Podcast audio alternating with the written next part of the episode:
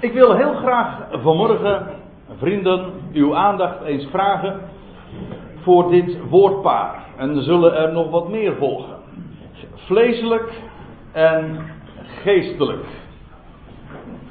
En de beide begrippen, die komen we tegen in 1 Korinthe 3. En ik wil u vanmorgen vooral eens daarbij bepalen die eerste versen van dat derde hoofdstuk van 1 Korinthe.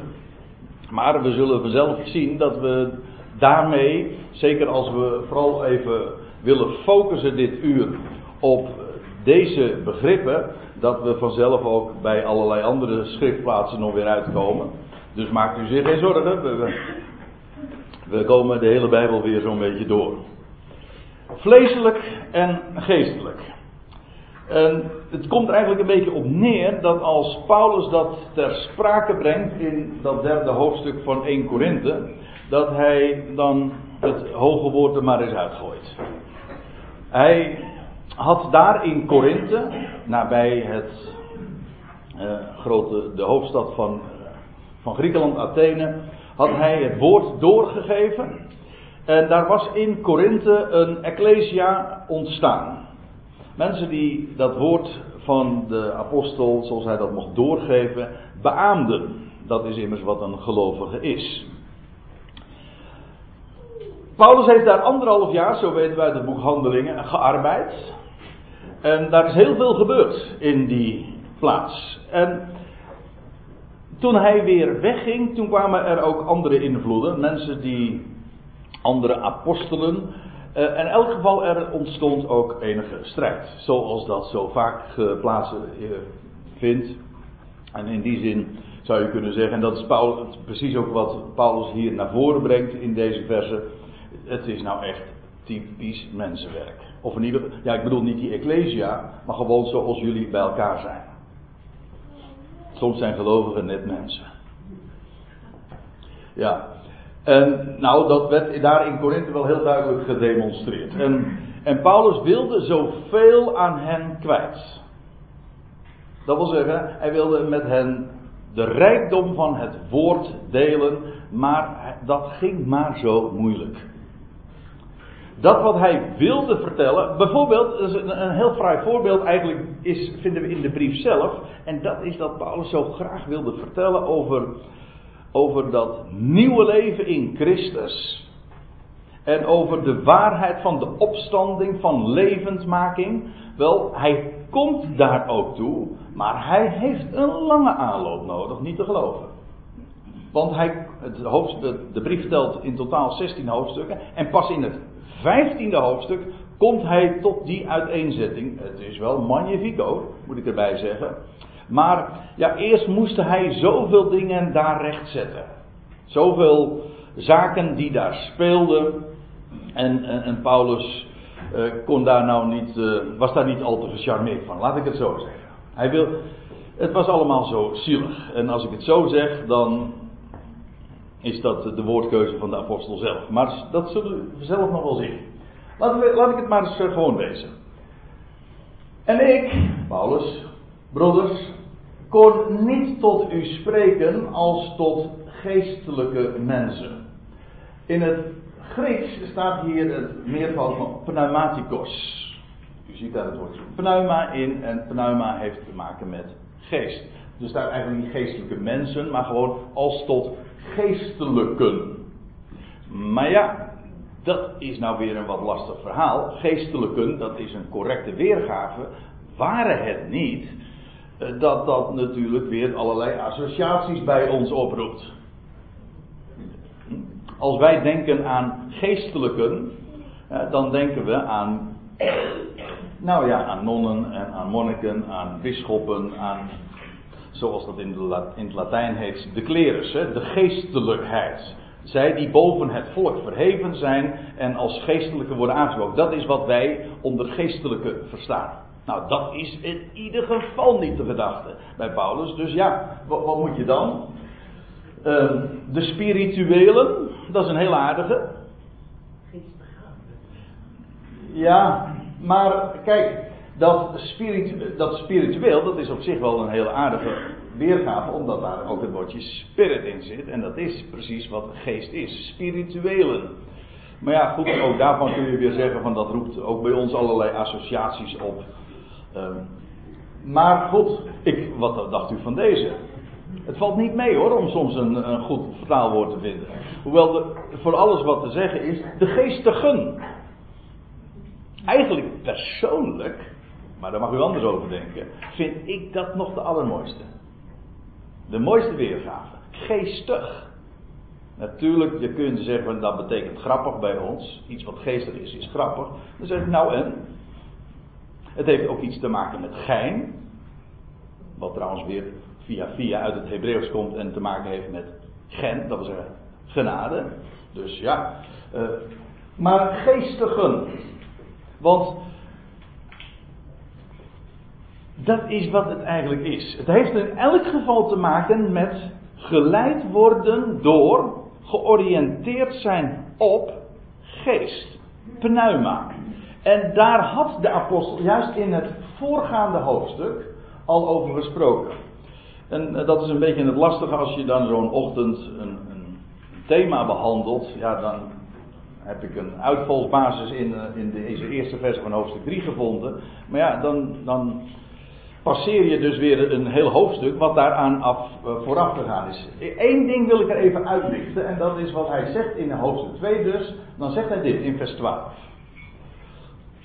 Want dan zie je dat, dat hoofdstuk 3 vers 1 maar niet zomaar uit de lucht komt vallen. Dat heeft al dat heeft een achtergrond. Hij had al een heel betoog gehouden. Paulus zegt dat dit. Wij nu hebben niet de geest van de wereld, de spirit van deze aion ontvangen, maar de geest uit de God. Hoe dan? Nou, dat was voor die Corinthiërs helemaal niet zo moeilijk. Want dat, moet je, dat is helemaal niet wazig. Geest heeft namelijk alles te maken met woord. God heeft, had zijn geest aan hen gegeven. Dat wil zeggen, zijn levend, maar dat is wat spirit eigenlijk ook is. Geest is in de Bijbel uh, dikwijls synoniem ook met leven. Als je de geest ontvangt, ontvang je leven. Zij hadden het levende woord ontvangen. Dat is, dat is spiritueel. Dat woord, mijn woorden, zei de Heer Jezus ooit al, mijn woorden zijn geest, spirit en leven. Dat is wat zijn woord is. Wel, dat woord hadden ze ontvangen, daarmee geest, daarmee leven. Wel, die geest hadden ze ontvangen. En dan staat er nog bij, wij nu hebben niet ontvangen de geest van de wereld, maar de geest uit God, opdat wij zouden weten, let op dat woord weten, dat is een, een sleutelbegrip in deze hele brief. Iedere keer herinnert Paulus hen daar ook aan. Nergens vind je, in geen enkele brief vind je zo dikwijls die vraag, die retorische vraag van, weten jullie niet dat? Weet gij niet dat? Op dat wij zouden weten wat ons door God in genade geschonken is. Een prachtig woord. Wat ons al als gunst als genade is toevertrouwd. Nou, dat is heel veel. Waarom hebben wij die geest van God ontvangen? En wat betekent dat? Wel, wij hebben zijn woord. En dat woord is geest, dat woord is leven. En wat eh, bewerkstelligt dat? Waarin resulteert dat? Wel dat we weten. Geest heeft echt alles te maken met weten. Die twee worden hier direct aan elkaar gekoppeld. Wij denken, we zullen dat vanzelf ook nog wel zien, dat geest uh, te maken heeft met, met voelen. En dat is juist niet het geval. Ik zeg niet dat het er niets mee te maken heeft. Ik zeg alleen, het heeft een andere oriëntatie. Het gaat niet om voelen, het gaat om weten. Als je, en als je eenmaal zuiver weet, dan wordt het gevoel ook zuiver. Maar het begint bij weten, hoe het zit. En dan niet weten dat wat uh, de wereld je allemaal voorschotelt. Maar ik denk wel eens, wat weten we nou zo eigenlijk wel? We weten eigenlijk niet eens waar we vandaan komen. We weten niet waar we naartoe gaan. Dus ja, hoezo wetenschap? Heel veel wat wij wetenschap noemen is in werkelijkheid gewoon techniek. Maar echt weten, waar het om gaat. De zin, het doel, het, Het hele traject, daar heb je informatie van boven nodig. Nou, dat is precies wat echte spiritualiteit is. Geestelijk zijn. Dat wil zeggen, informatie, want dat is feitelijk wat het is. Weten wat God weet. Dat heeft hij verteld. Staat trouwens in ditzelfde verband ook dat eh, niemand weet wat in de mens is dan des mensen eigen geest. Nou, zo weet ook niemand wat in God is dan de geest van God. Ik citeer nou letterlijk, nou pak ik het er even bij. Anders denkt u van dat ik, dat ik dat verzin, maar dat is echt niet zo.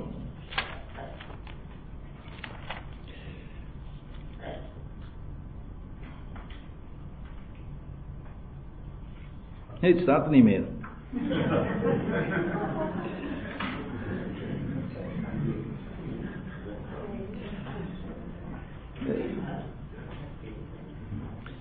Uh, nou ja, zeg. Jawel, het, het staat er wel. Denk, wat is er nou met, die, met de Bijbel gebeurd? Maar uh, vers 11, daar staat het. Wie toch onder de mensen weet wat in de mens is dan des mensen eigen geest die in hem is. Zo weet ook niemand wat in God is dan de geest Gods. Wij nu hebben, nou dat gaat precies hier aan vooraf. Dus hoe kan ik nou zeggen dat, ik, uh, dat het er niet meer staat? Gaat, dus dat is vers 11. Nou, die geest van God hebben wij ontvangen opdat we zouden weten wat ons allemaal is als gunst is toegekomen. Wat we, wat we bezitten, wie we zijn, waar we naartoe gaan, waar we vandaan komen, wie onze God is. Kortom, onze rijkdom. Dat je zou gaan ontdekken, die geest van God is gegeven, opdat we zouden weten en daar van daaruit ook zouden beseffen en zo het kunnen uitleven. Hoe enorm rijk we zijn. Dat is het.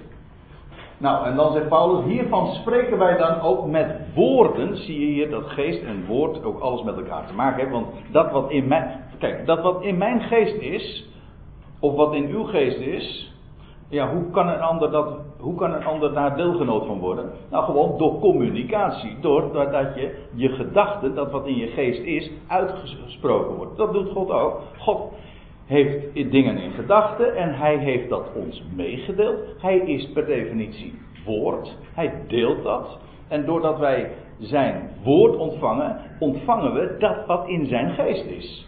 Zo vreemd is dat niet. Hiervan spreken wij dan ook met woorden die niet door menselijke wijsheid. Nee, want we hadden het over dat wat de geest van God met ons deelt. En dus ook met zijn woorden. De woorden die hij gekozen heeft daarvoor die niet door menselijke wijsheid, maar door de geest Gods, of door de geest geleerd zijn, maar dat is die geest van God. Woorden van menselijke wijsheid zijn erger dan waardeloos.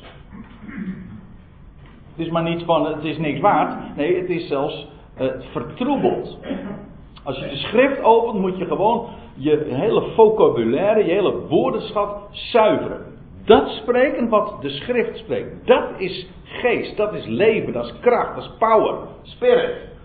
Nou, niet, geen woorden van menselijke wijze, maar die door de geest geleerd zijn, zodat wij het geestelijke met het geestelijke ja, vergelijken. Of in de concurrent version staat matching, in de Statenvertaling staat samenvoegen. Het heeft te maken met dat we geestelijke woorden en, ik bedoel, de hele schrift dat, dat, is, dat zijn geestelijke woorden. Geademd. Al de schrift is van God. 1 Timotheus 3, vers 16. 2 Timotheus 3, vers 16.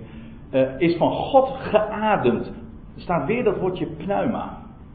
Dat is begeesterd door God. Door God geademd. Dat zijn geestelijke woorden. Wel, als wij geestelijk zijn, dan delen we de dingen die van Gods wegen ons zijn toevertrouwd, zijn geschonken. En wij combineren, wij vergelijken, wij voegen samen woorden, geestelijke woorden met andere geestelijke woorden. Dat is wat geestelijk is. Zodat we weten, zodat we ook progressie uh, bereiken. Dat wil zeggen, voortgaan. We ons ontwikkelen, zodat we steeds meer daarvan gaan ontdekken van die rijkdom. Dat is geestelijk. Zodat we de geestelijke dingen met geestelijke dingen gaan combineren, vergelijken. Maar staat er dan nog even verder. Doch een ongeestelijk mens aanvaardt niet hetgeen van de geest Gods is, want het is hem dwaasheid. Ja. Weet u wat hier trouwens staat? Ja, u zegt, dat is nogal wie dus, in de MBG staat ongeestelijk. Dat is een ongeestelijke weergave, laat ik het zo zeggen. U zegt, aha, maar ik heb een statenvertaling, daar zal het wel correct zijn. Daar staat natuurlijk. Dat is nog erger, misschien. Klopt ook niet. Dat is, dat is trouwens, daar zit nog iets, iets vreselijks achter. Ja, dat klinkt misschien wat overdreven als ik het zo zeg, maar dat meen ik echt. Namelijk de hele gedachte dat als je natuurlijk doet, natuurlijk bent, de natuur volgt, dat dat ongeestelijk zou zijn. Men, dat heeft men trouwens ook voor allerwege in de kerk altijd al gezegd. Hè, dat de mens van nature niet deugt.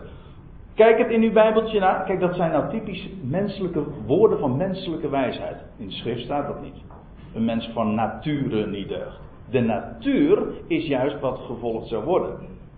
Tegennatuurlijk, dat is ongeestelijk.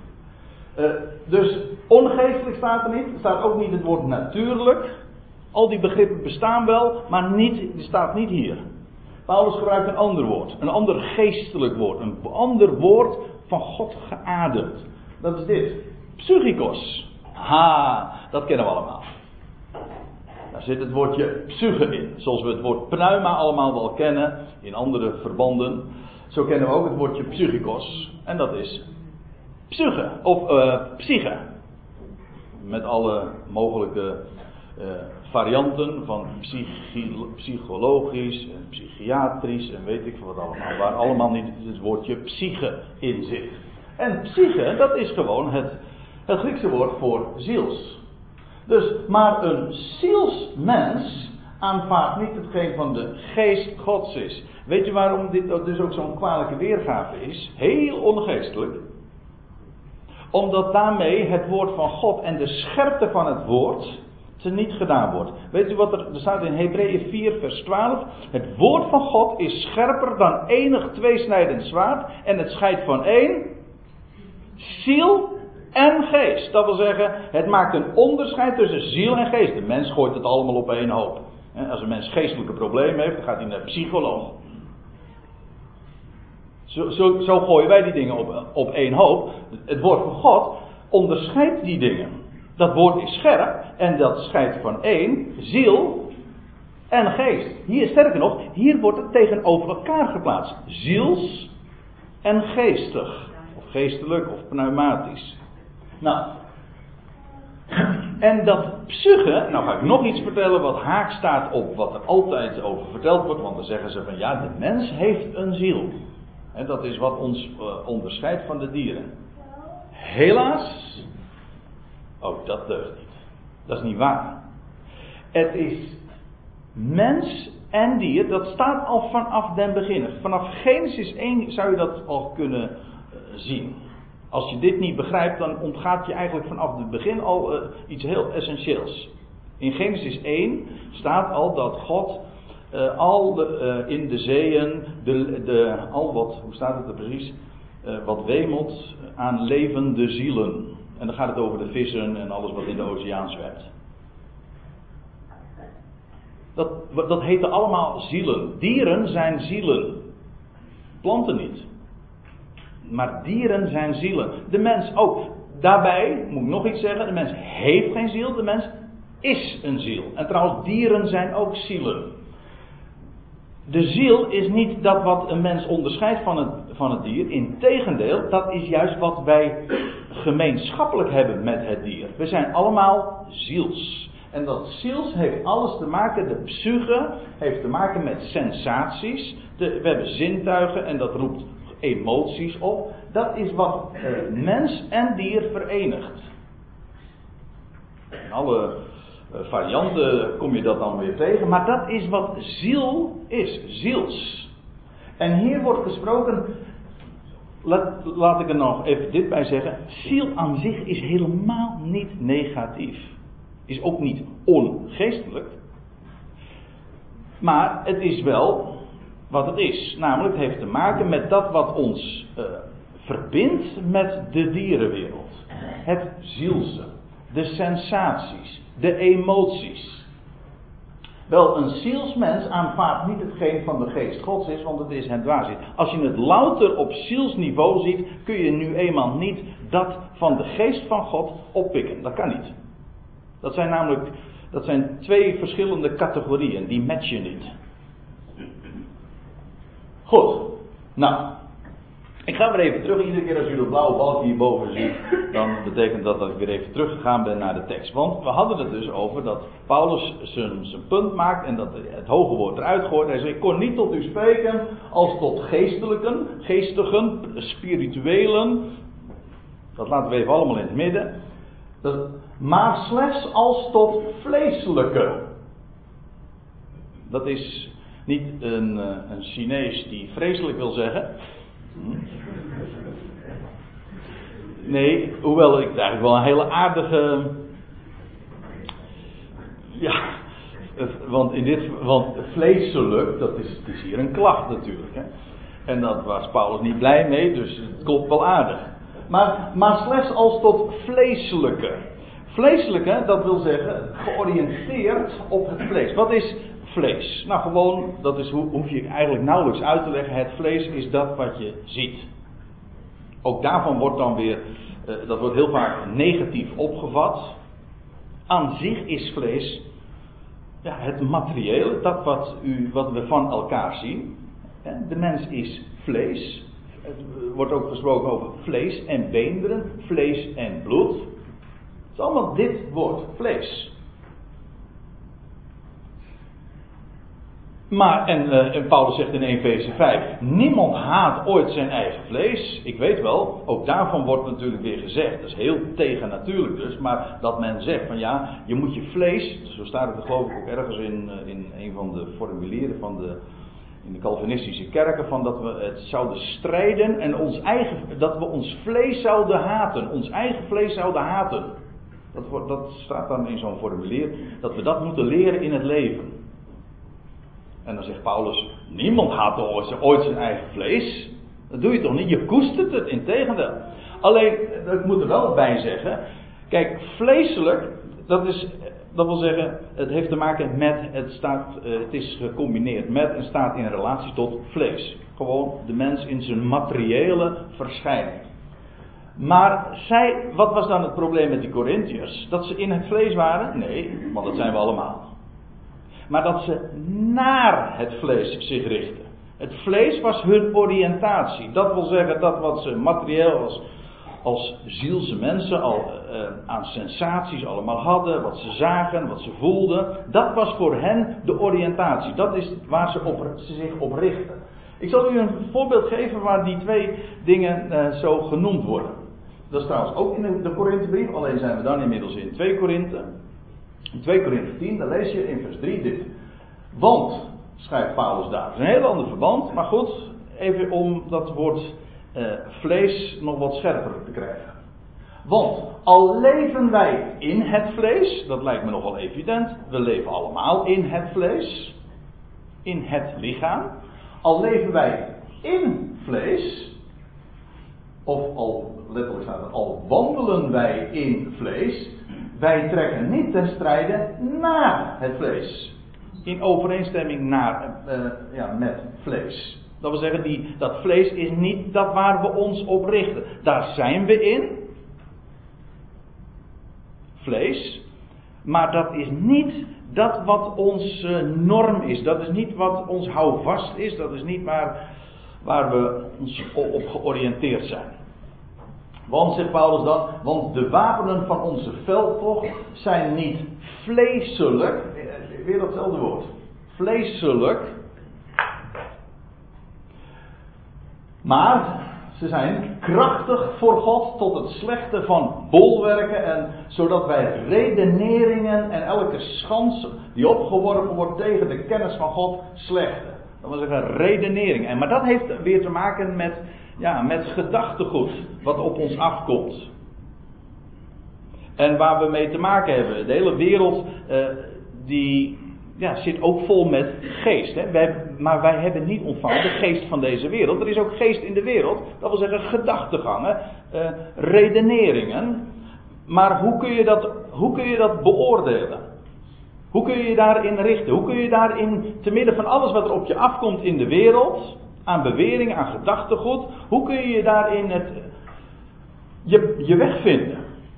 Nou, doordat we een wapens hebben, instrumenten, tools, nou ja, ik bedoel de tools, de schriften, het zijn woord, dat, zijn, dat is geestelijk. En daarmee kunnen we de redeneringen en alle gedachtegangen die opgeworpen tegen, worden tegen de kennis van de God, de plaatser, zodat we die allemaal kunnen slechten. Dat we, dat we die teniet kunnen doen. Dan kunnen we gewoon korte metten meemaken. We weten gewoon hoe het zit. Wij weten.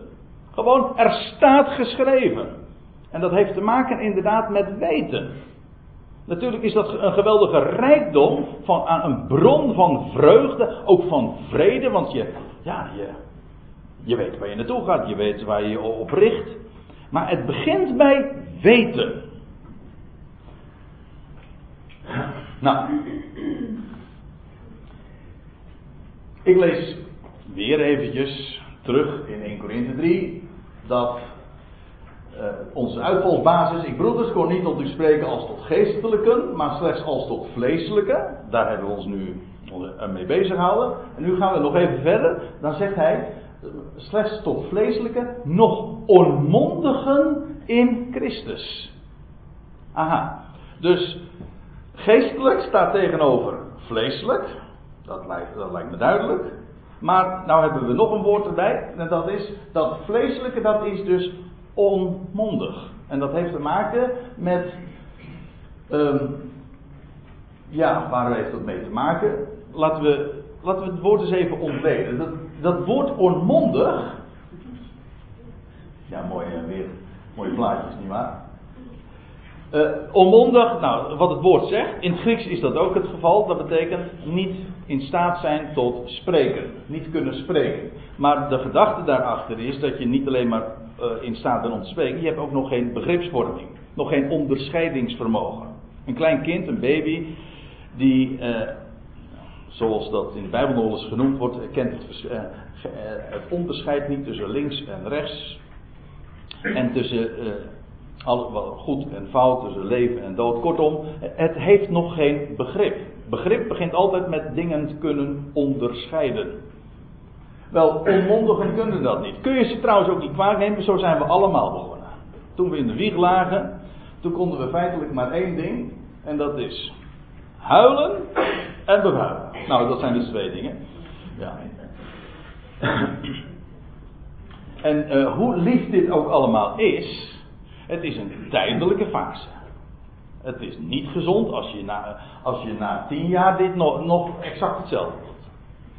Maar het, de wereld van een baby, ik weet niet of u daar wel eens een keertje bij stil hebt gestaan, maar is feitelijk, dat is geen verwijt, maar is gewoon een vaststelling. Het is een, is een bepaalde fase in de ontwikkeling, de eerste fase, zo begint het.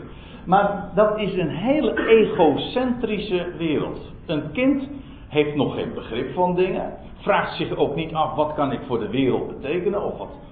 Nee.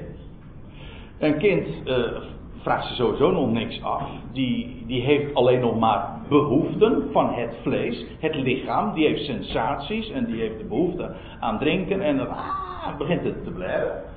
Uh, en dat is een hele een, uh, normale, logische reactie.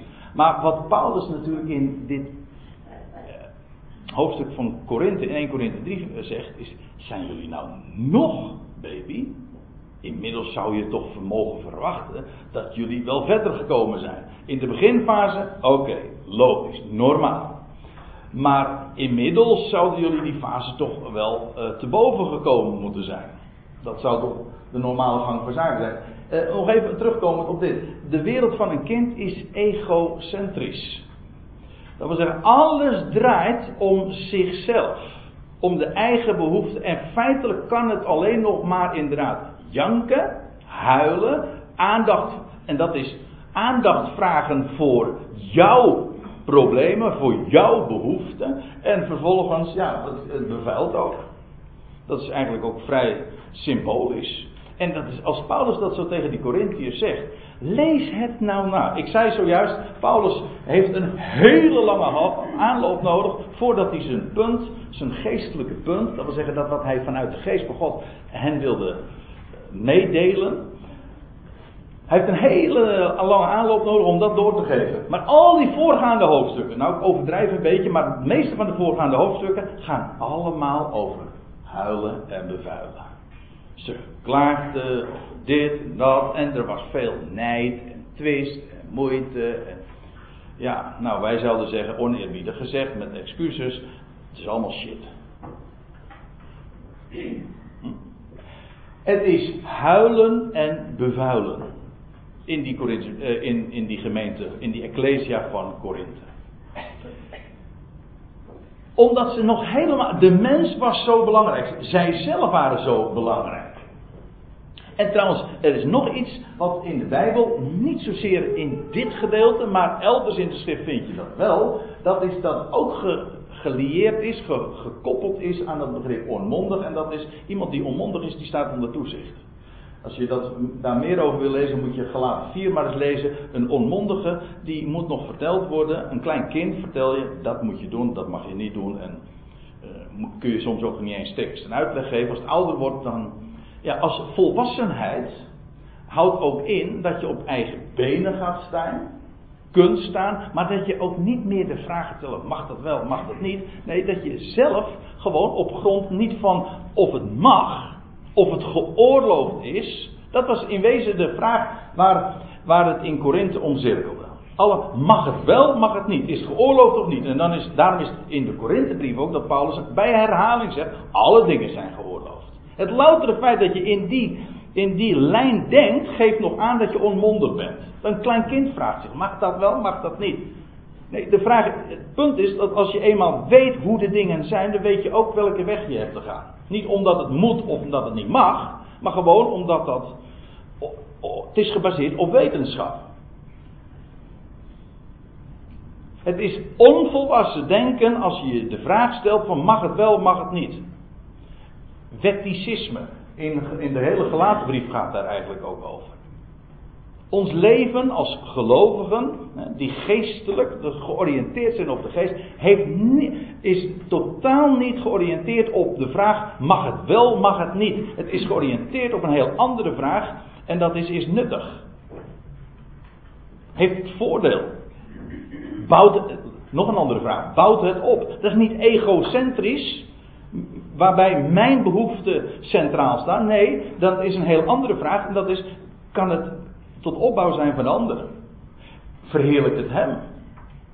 Kom, word ik daardoor rijker, zodat ik hem beter leer kennen. Kijk, dat is geestelijk. Dat is ook wat het leven werkelijk inhoud geeft. Veel gelukkiger maakt. Geestiger maakt. Want dat zielse. Ik vind dat zo grappig in het Nederlands. Je hebt ziel en geest. Je hebt zielig en je hebt geestig. En dat klopt precies. In het hele Bijbelse, uh, in die Bijbelse woordparen. Want iemand die op de ziel georiënteerd is, die wordt zielig.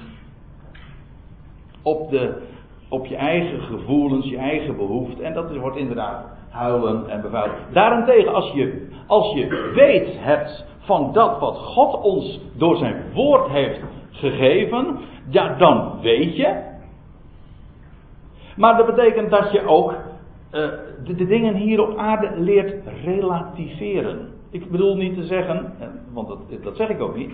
Ik zeg niet, daarmee ga je de dingen hier op aarde van nul en geen waarde achter. Maar je gaat het relativeren. Dat wil zeggen, in relatie brengen tot de dingen die er echt toe doen.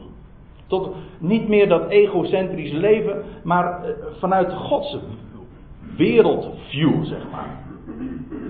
Vanuit de grote lijnen. Dan krijg je een, zoveel mensen hebben een zo'n klein, smal wereldje. Waarbij alles dan nog, nog eens gericht is op henzelf. Of dat je gericht bent op dat wat je weet. Op de geweldige toekomst. Dan ga je de dingen in het grote perspectief zien. En dan ga je je schouders ophalen over allerlei onbenulligheden. Waar zoveel zich helemaal in verzuipen. Dat is zielig. Maar als je geweten hebt hoe het zit, hoe, hoe geweldig rijk je bent, hoe geweldig die toekomst is, dan wordt je leven geestig. Echt. Dan krijg je er ook echt gein in. Nou ja, eh, dat zijn zo van die gedachten die allemaal verband houden met dat onmondige. En u begrijpt, het, de tegenstelling van onmondig is mondig en dat is volwassen. Hoe wist Paulus trouwens dat ze vleeselijk waren? En dan spring ik even over naar het derde vers. Ik kom straks nog op het tweede vers ook. Maar, uh, want ze zijn nog vleeselijk, want hij motiveert dus waarom hij uh, van mening is dat zij vleeselijk zijn. Uh, want als er onder u nijd en twist is, zijt gij dan niet vleeselijk? Nou ja, dat is dus waar ik het op, over had met dat onmondige, met dat huilen en bevuilen. Janken, klagen, murmureren, mopperen, dingen gaan niet goed. Nog heel erg negatief ook.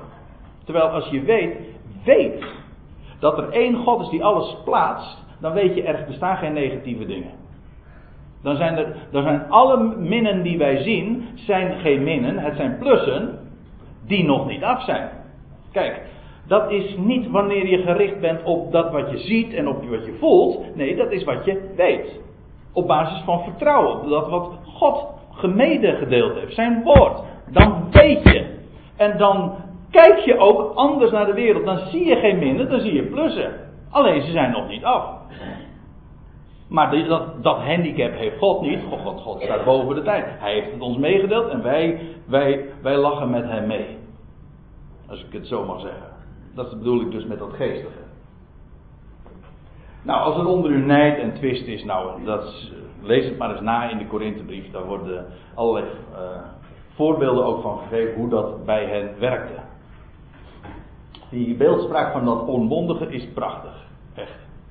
Dat huilen en bevuilen. Zijt gij dan niet vleeselijk? En leeft gij dan niet als onveranderde mensen? Nou, dat, u ziet het trouwens, de MBG-vertaling heeft het ook al zich geëxcuseerd, want staat tussen haakjes. Er staat letterlijk, leeft gij dan niet naar mens? Gewoon zoals mens in het algemeen leeft. Dat is waar. Dit is precies de hele leidraad, het, het denken, het, het, hele, de wandel van de mens in de wereld in het algemeen, godsdienst of niet godsdienst, dat maakt niet uit. Maar als je de geest van God hebt, zijn woord en weet en daarop je richt, ja, dan heb je een heel andere oriëntatie en dan zou je met dit soort problematieken uh, niet van doen hebben. En nou kom ik trouwens nog op iets, want ik heb een vers overgeslagen. Want, en dat is dat tweede vers. Er is nog iets wat gekoppeld is aan dat onmondige, en dat is het voedsel wat daarbij, uh, wat daarmee te maken heeft. Onmondig, ja, wat, uh, wat drinkt of wat uh, neemt een onmondige tot zich, een baby? Wel, u ziet het, melk. Nou ja, dit is dan uit de fles. Normaal gesproken gaat het in de Bijbel altijd over moedermelk. Trouwens, dat kan ook moedermelk zijn, dat weet ik. Maar goed, uh, melk heb ik u gegeven, zegt Paulus, geen vast voedsel. Ik zei al, het is het hoge woord.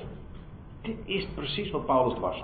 Hij wilde ze vast voedsel geven. Dat had zo langzamerhand ook wel gekund. Naar de tijd gerekend. Alleen, zij vonden hun eigen bedoelingjes zoveel belangrijker. Vandaar al die toestanden. En Paulus, en Paulus haalt, daar haalt hij zijn schouders over op. Hij geeft ze daarin uh, wel aanwijzingen. Hij, want hij, die Ecclesia in Korinthe was hem zeer lief. Die was ontstaan door, door het woord wat hij daar mogen doorgeven. Hij had daar een geweldige band mee. En hij wilde ze graag de goede richting op wijzen. Doet hij ook in deze brief. Maar hij wil ze ook laten zien dat dat waar zij zich zo druk om maakt en waar zoveel conflict door ontstond, onderling, maar ook in henzelf. Ik zeg maar weer, huilen en bevuilen. Wel, uh, dat was niet belangrijk. Hij relativeert dat. Melk heb ik u gegeven, geen vast voedsel. Wat bedoelt hij daarmee? Nou, laat ik eerst even de zin nog even verder lezen. Uh, waar, hoezo? Want dat kon gij nog niet verdragen. Een klein kind kan dat ook nog niet verdragen. Uh, dat is niet zo gek, maar nogmaals, naar de tijd gerekend zouden zij dat moet inmiddels wel uh, kunnen. Ja, dat kunt gij ook nu nog niet. Nou ga ik eventjes een, een, een sprong maken naar een, een ander Bijbelgedeelte, want daar wordt ook gesproken over die tegenstelling tussen melk en vaste spijs. Ik geef toe, eh, misschien mag ik die opmerking even zo terzijde maken. Het, de indruk die, die je zou kunnen wekken, en dat is niet terecht, maar als je dit zo leest, dan denk, dan denk je dat het heel zwart-wit is. Hè? Vleeselijk, geestelijk. Uh, onmondig, mondig. Melk, vaste spijs. In werkelijkheid en in de praktijk is de lijn veel vloeiender. Ik bedoel, je bent niet van de, van de ene op de andere dag van uh, onmondig, mondig. Je bent niet van ene, je bent niet eerst baby en dan de volgende dag ben je volwassen. Daar zit een, een vloeiende lijn. Het is een ontwikkelingsgang. Van mondig, van onmondig naar mondig, van ziels naar geestig.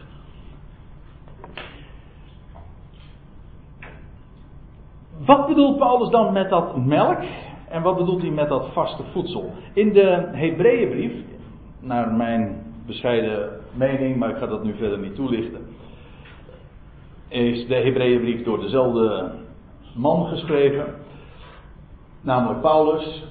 Maar goed, dat eh, even terzijde. In elk geval, in het elfde vers zegt hij van hoofdstuk 5. Uh, over hem hebben wij veel te zeggen. Nou moet ik eventjes uh, een toelichting maken. Want waar gaat het over in de Hebreeënbrief? Nou, in dit gedeelte. Paulus had, uh, de schrijver van de Hebreeënbrief had het over Melchizedek. Eventjes dit. Melchizedek, dat was een koning, priester in Salem. En we vinden in Genesis 14 over hem slechts twee of drie versjes. Korte versjes. Meer niet. Abraham ontmoette hem op zijn, na afloop van zijn veldtocht en hij kreeg van hem brood en wijn. En, maar er is zoveel over die man te vertellen. Maar een klein, uh, een klein aantal details vinden we van hem vermeld, van die Melchizedek. Maar zegt de schrijver van de Hebreeënbrief, over hem hebben we veel te zeggen. En dat gaat hij ook doen, want dit is hoofdstuk 5. Maar kijk het maar na in uw Bijbel. Hebreeën 7 is een lang hoofdstuk, gaat van begin tot het einde over Melchizedek en de betekenis van die figuur. En waarom ja, zijn naam en waar hij uh, Melchizedek en dat hij, waar hij mee naar buiten kwam met brood en met wijnen, dat hij priester in Salem was. En dat hij niet alleen koning was, maar dat hij priester was. En die combinatie, nou, et cetera. Er is zo enorm veel over, daar, over die man te zeggen en over zijn betekenis. En dat zegt Paulus ook. We hebben veel over hem te zeggen. En dat is allemaal informatie. Dat wat Paulus over hem zou gaan vertellen. Dat is allemaal verborgen in het Oude Testament. Het staat er niet letterlijk, zo oppervlakkig zou je het er niet uithalen, maar het zit er allemaal in. En Paulus legt zijn bonnetjes allemaal erbij. Ik bedoel, dat wat hij aangeeft en wat hij aanwijst, hij toont het ook allemaal aan. Maar het is verborgen, hou hem vast. Het was verborgen in het Oude Testament. Nou, dan lees ik het nog een keer. Over hem, Melchizedek, hebben we veel te zeggen. Maar, zegt hij, het is moeilijk uit te leggen. Hoezo? Kon, kon de schrijver dat niet? Ja, ik kan dat heel goed. Maar het had niet te maken met het feit dat hij het vermogen niet had om dat door te geven. Het probleem was aan, aan de andere kant. Namelijk, gij zijt traag geworden in het horen. Bij de Hebreeën eigenlijk dus een soortgelijk probleem. Niet helemaal trouwens. Maar goed, dat laat ik nu even rusten. Zij waren traag geworden. Dus ze waren het ooit niet. Bij de Corinthiërs was het nooit anders geweest. Maar goed, en dan lees je in vers 12, ik sla een paar woorden over. En gij hebt weer nodig, jullie hebben weer nodig dat. Gij hebt weer nodig dat men u de eerste beginselen. Dat wil zeggen de, het ABC, de elementaire kennis. De eerste beginselen van de uitspraken van God leert. Gij hebt nog melk nodig. Haha. Hier hebben we dus dezelfde Hetzelfde beeldspraak als die we ook in 1 Korinthe aantreffen, namelijk melk. geest, het is geestelijk voedsel. Dat, het gaat niet over letterlijke melk. Maar het is een beeld. Jullie hebben melk nodig. En wat is melk? Wel, dat zijn de eerste beginselen. Het ABC van het woord van God. Er is niks mis mee. Zeker niet als het onvervalste melk is. Goede melk. Maar het is niet normaal als je, als je, als je na de tijd al uh, gerekend al leraar zou moeten zijn. Het aan anderen zou moeten onderwijzen. Als je dan nog steeds melk moet zeggen, sorry, maar dan is het toch echt, gaat er iets niet helemaal goed in je ontwikkeling. De eerste, het zijn de eerste beginselen van de uitspraken van God. A, B, C. Hij zegt, jullie hebben dat weer nodig. En geen vaste spijs. En vaste spijs is dat wat volwassenen eten. Waar je op moet kouwen. Melk gaat er zo. Het is pap, hè. Dat is, dat is gewoon hapslik weg. Dat is wel, dat gaat. Het draait makkelijk natuurlijk. Melk, pap. Vaste spijs, dat is niet altijd even makkelijk. Maar de voedingswaarde is geweldig. En het is ook een kenmerk van volwassenheid. Dat je van de melk af bent. In ieder geval van de moedermelk. Ik heb het nou niet over een pak melk, daar denken verschillende mensen hier eh, alweer heel anders over. Maar daar hebben we het nu weer niet over. Maar in elk geval dat je de, uh, dat je de, de melk achter je gelaten hebt en dat je nu toe bent gekomen aan vaste spijs. Dat heeft trouwens in de Bijbel ook nog weer alles te maken met honing. En daar hadden we het een paar weken geleden over. Maar goed, vaste spijs, waar, ook waar je op moet kouwen. Gewoon dat is wat vaste spijs immers is. En dat blijkt te zijn nou, we zagen het eigenlijk al. Die vaste spijs is dat wat, wat, wat uh, de schrijver wilde vertellen over die Melchizedek. Wat allemaal verborgen was in de schrift. En u zult het zien, en ik heb de, uh, de tekstverwijzing erbij gegeven. En ik ga het nu niet opzoeken, maar schrijf hem op of hou hem in gedachten. Lees het maar eens na. Het is exact hetzelfde als wat Paulus ook in 1 Korinthe 2 tegen de Corinthiërs zegt. Vaste spijs heeft te maken met kennis, informatie, dat wat te weten is over de verborgenheden, over geheimenissen. Dat wat verborgen is in de schrift, wat niet aan de oppervlakte ligt, maar zo geweldig. Niets in de Bijbel is zo rijk, dat is mijn persoonlijke ervaring en ik weet dat ik het deel met heel veel mensen hier, als dat wat verborgen is in de schrift. We noemen dat vaak typologie. Die dat hele onderwijs over Melchizedek is pure typologie. Wat verborgen is. dat heeft voedingswaarde. Dat maakt zo geestig. Maar dan ben je. Dan moet je aan toe zijn. Als je nog helemaal in de, in, in, in, in, je, in de problematiek zit van nijd en twist en jaloezie en moeite en conflicten, et cetera ja, dan ben je niet toe aan, aan, aan zo'n veel bredere, zoveel hogere, zoveel diepere, hoe je het ook maar zeggen wil, visie. Waarbij je echt een blik krijgt, een perspectief. Maar dan moet je aan toe zijn. En dat is waar het werkelijk om gaat. Dat is wat het leven echt inhoud geeft. Nou, dat is dus die vaste spijs. De verborgenheid. Alles wat onder de oppervlakte van de schrift ligt. Nou neem ik u weer even mee naar 1 Korinthe 2. En nu maak, ga ik mijn definitieve punt maken over die geestelijke mens. Die geestige, die spirituele. Wat doet hij?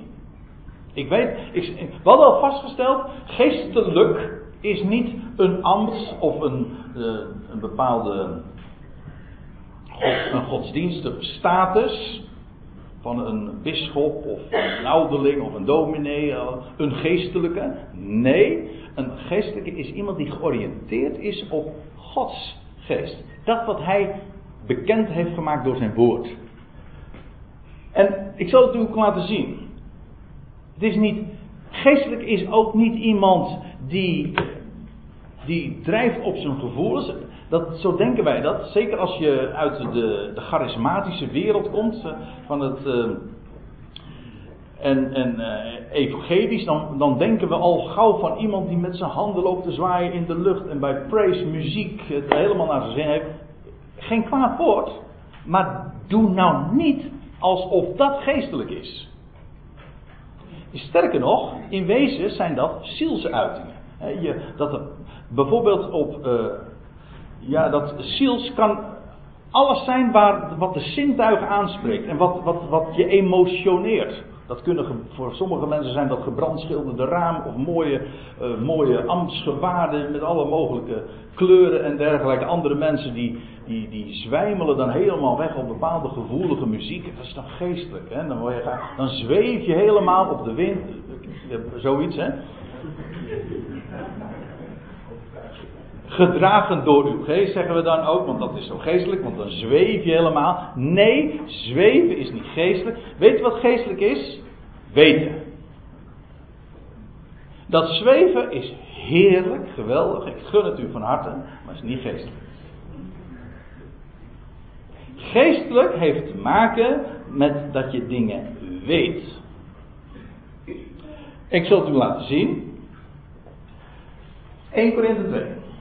Vers 5. Hou hem vast. Maar de geestelijke mens, eigenlijk staat er gewoon de geestelijke of de spirituele of de geestige, beoordeelt alle dingen.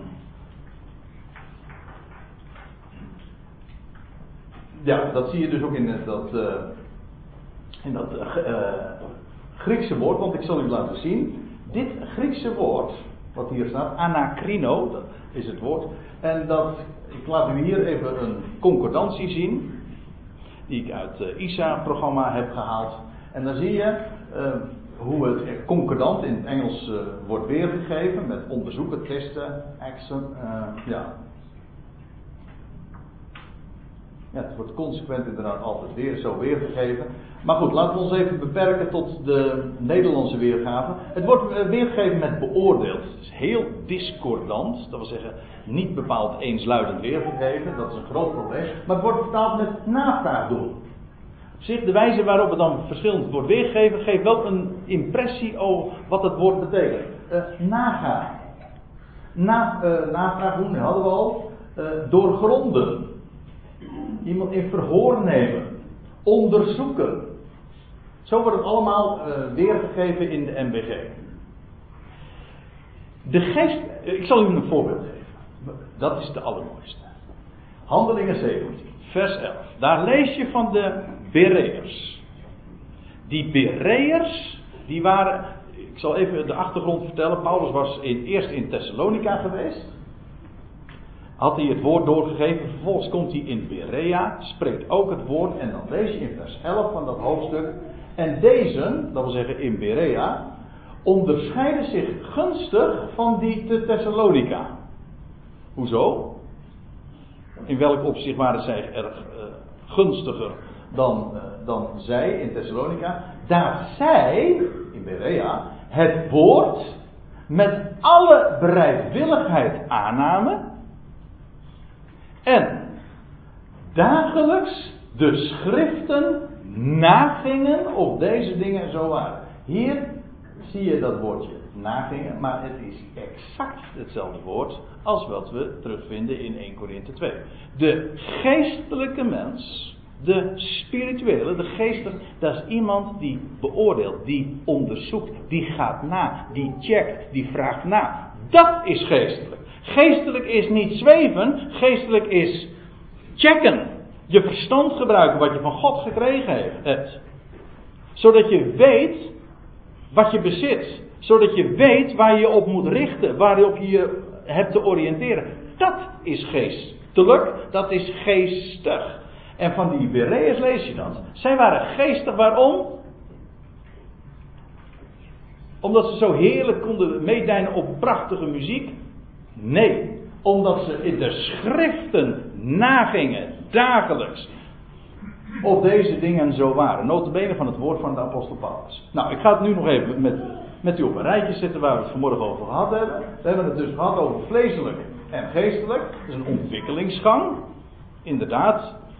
De een is hier, de ander is daar. En soms is het nog, is het nog genuanceerder, want je kunt op een bepaald terrein of op een bepaald vlak heel vleeselijk zijn en op een andere vlak juist geestelijk.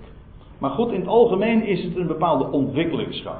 Van vleeselijk geestelijk te worden. Of van onmondig, mondig. En daarmee gekoppeld van melk naar vaste spijs. Of nog anders, van ziels naar geestelijk. Geestig. Kijk, dat is de, de ontwikkelingsgang. Waar het om gaat is dat we zo worden.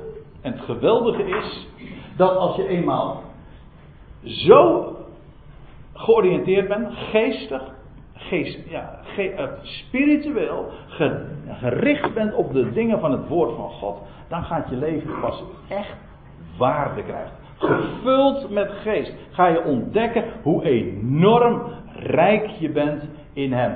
Opdat wij weten wat ons door Gods genade is geschonken.